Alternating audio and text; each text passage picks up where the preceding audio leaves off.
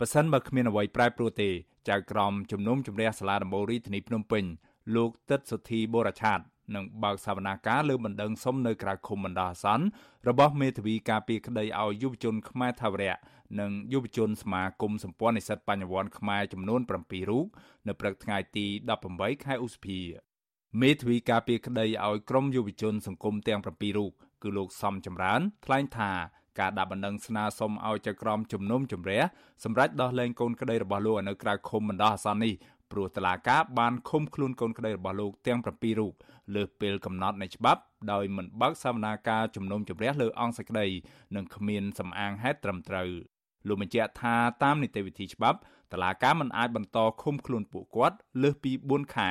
ដោយមិនកាត់ទោសនោះទេព្រោះខុសទៅនឹងការកំណត់នៃច្បាប់ និងបំពានសិទ្ធិកូនក្តីរបស់លោក មេធាវីរូបនេះរំពឹងថាចៅក្រមជំនុំជម្រះសាលាដំបងនឹងអនុញ្ញាតឲ្យកូនក្តីរបស់លោកនៅក្រៅឃុំជាបណ្ដោះអាសន្នជាទូទៅគ្រប់រឿងគឺតុលាការឃុំខ្លួនរងចាំថ្ងៃជំនុំជម្រះតាមានរយៈពេលតែ4ខែទេជារឿងធម្មតាទូទៅណាมันមានវិធានណាមួយអនុញ្ញាតឲ្យវិជាពេលទេឃុំជំរះបើឃុំរអសន្នដើម្បីស៊ើបរកសិទ្ធិក្រមស៊ើបប៉ុណ្ណឹងអាចវិជាពេលតែឃុំរងចាំសាវនាការអត់មានឃើញទេទីណាមួយបើកអនុញ្ញាតឲ្យវិជាពេលទេ តែតែវាវាមិនមានបញ្ញត្តិច្បាប់អនុញ្ញាតអាហ្នឹងវាត្រូវវាអូតូម៉ាទិកវាប៉ះពាល់សិទ្ធិហ្នឹងហើយកិនមកទល់ពេលនេះតឡាការក្រុងភ្នំពេញបានឃុំខ្លួនក្រុមយុវជនខ្មែរថាវរៈនិងយុវជនសមាគមសម្ព័ន្ធនិស្សិតបញ្ញវន្តខ្មែរចំនួន7រូបនៅក្នុងពន្ធនាគារព្រៃសររយៈពេលជាង8ខែមកហើយក៏ប៉ុន្តែมันបានលើកយកសំណុំរឿងរបស់ពួកគាត់មកធ្វើការជំនុំជម្រះរោគខុសត្រូវនោះទេ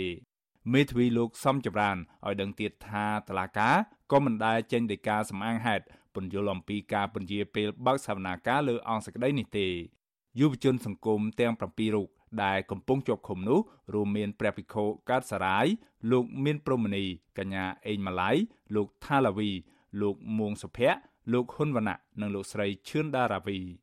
ប្អូនស្រីរបស់កញ្ញាអេងម៉ាឡៃគឺកញ្ញាអេងវ៉ាន់ឌីនិយាយថានាងមិនបានជួបសួរសុខទុក្ខបងស្រីសំបីទៅតាមទូរស័ព្ទចាប់តាំងពីផ្ទុះជំងឺ Covid-19 ចូលក្នុងសហគមន៍ជាលើកទី3មកដូច្នេះកញ្ញាសង្ឃឹមថាតឡាកានឹងបញ្ជូនបងស្រីនិងសកម្មជនផ្សេងទៀតចូលរួមសវនាការនៅថ្ងៃទី18ខែឧសភា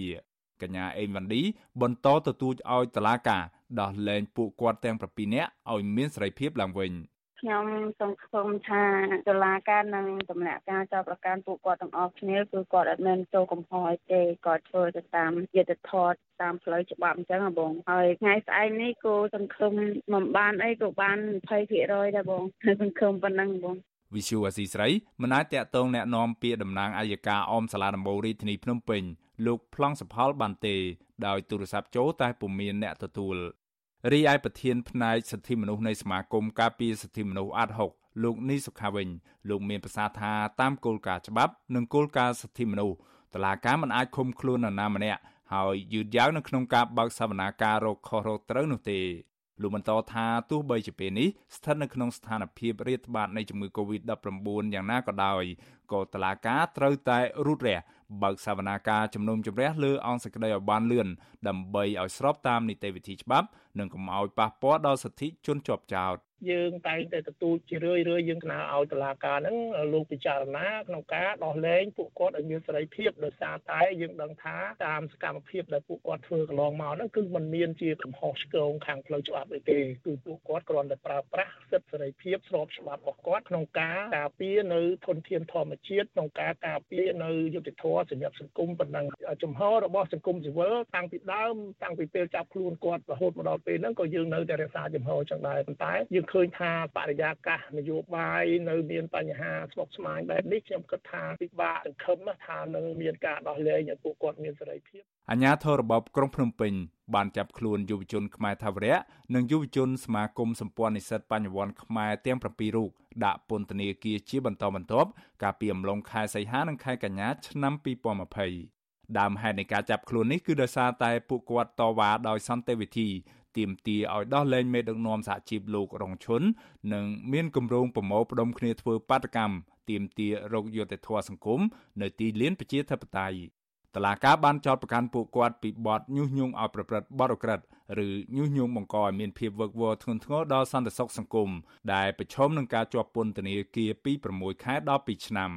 ទោះយ៉ាងណាសង្គមស៊ីវិលជាតិនិងអន្តរជាតិជាពិសេសទីភ្នាក់ងារអង្គការសហប្រជាជាតិបានទាមទាររបបលោកហ៊ុនសានដោះលែងអ្នកទាំងនោះវិញព្រោះពួកគាត់មិនបានប្រព្រឹត្តបទល្មើសអ្វីឡើយក្រៅពីនេះសហគមន៍ជាតិនិងអន្តរជាតិតែងតែទទូចឲ្យរបបក្រុងភ្នំពេញ បើកលំហសេរីភាព និងគោរពសិទ្ធិពលរដ្ឋដោយដែលមានចែងនៅក្នុងច្បាប់ជាតិនិងអន្តរជាតិខ្ញុំបាទមេរិត Visual C ស្រីរាយការណ៍ពីរដ្ឋធានី Washington